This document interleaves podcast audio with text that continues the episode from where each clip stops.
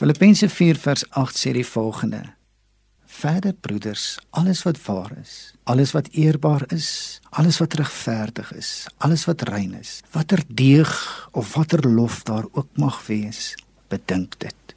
Daar is ook 'n ander vertaling wat sê watter deeg of watter lof daar ook mag wees, doen dit. So hier is 'n uitnodiging om iets te doen. 'n Baie mooi voorbeeld van die deegte vind ons in 'n storie van Johnny Longan. In die 1930s is 'n jokkie van agter gestamp in die middel van 'n perdewedloop. Perde wat agter hom aangestorm kom, is Johnny van die saal van die perd na die een kant toe afgegooi. 'n Ander jokkie het gesien wat gebeur het en uitgereik om Johnny weer in die saal te probeer kry. Hy het hom so 'n harde hupstoot gegee, ongelukkig te hard.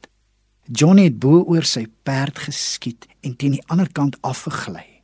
'n ander jokkie het weer op sy beurt aan die ander kant vir Johnny gehelp om weer in die saal te kom. Wonderbo wonder. Johnny het nie van die perd afgeval nie en verrassend genoeg die wedloop gewen. Iemand se vroom optrede het Johnny nie net van ernstige beserings of selfs die dood gered nie, maar ook gehelp om te wen. Sê dit nie vir jou iets rondom hierdie vers wat ons gelees het? Waar Paulus mense aanmoedig en sê: "Kom aan mense, doen alles wat reg is. Doen alles wat eerbaar is, alles wat regverdig is.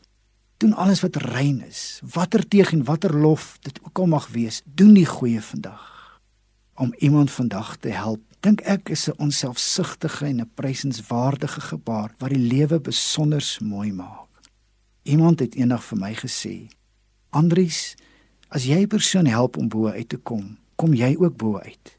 Maar as jy iemand afbreek, sal jy ook in die lewe stelselmatig afgebreek word. Daar is soveel behoeftes vandag in hierdie wêreld. Daarom sê Paulus: "Dra mekaar se laste en vervul so die wet van Christus." Blykbaar beweer navorsing dat mense aan vyf goed verslaaf is. Ons weet wat is hierdie goed: liefde, respek, eer, erkenning en aanvaarding.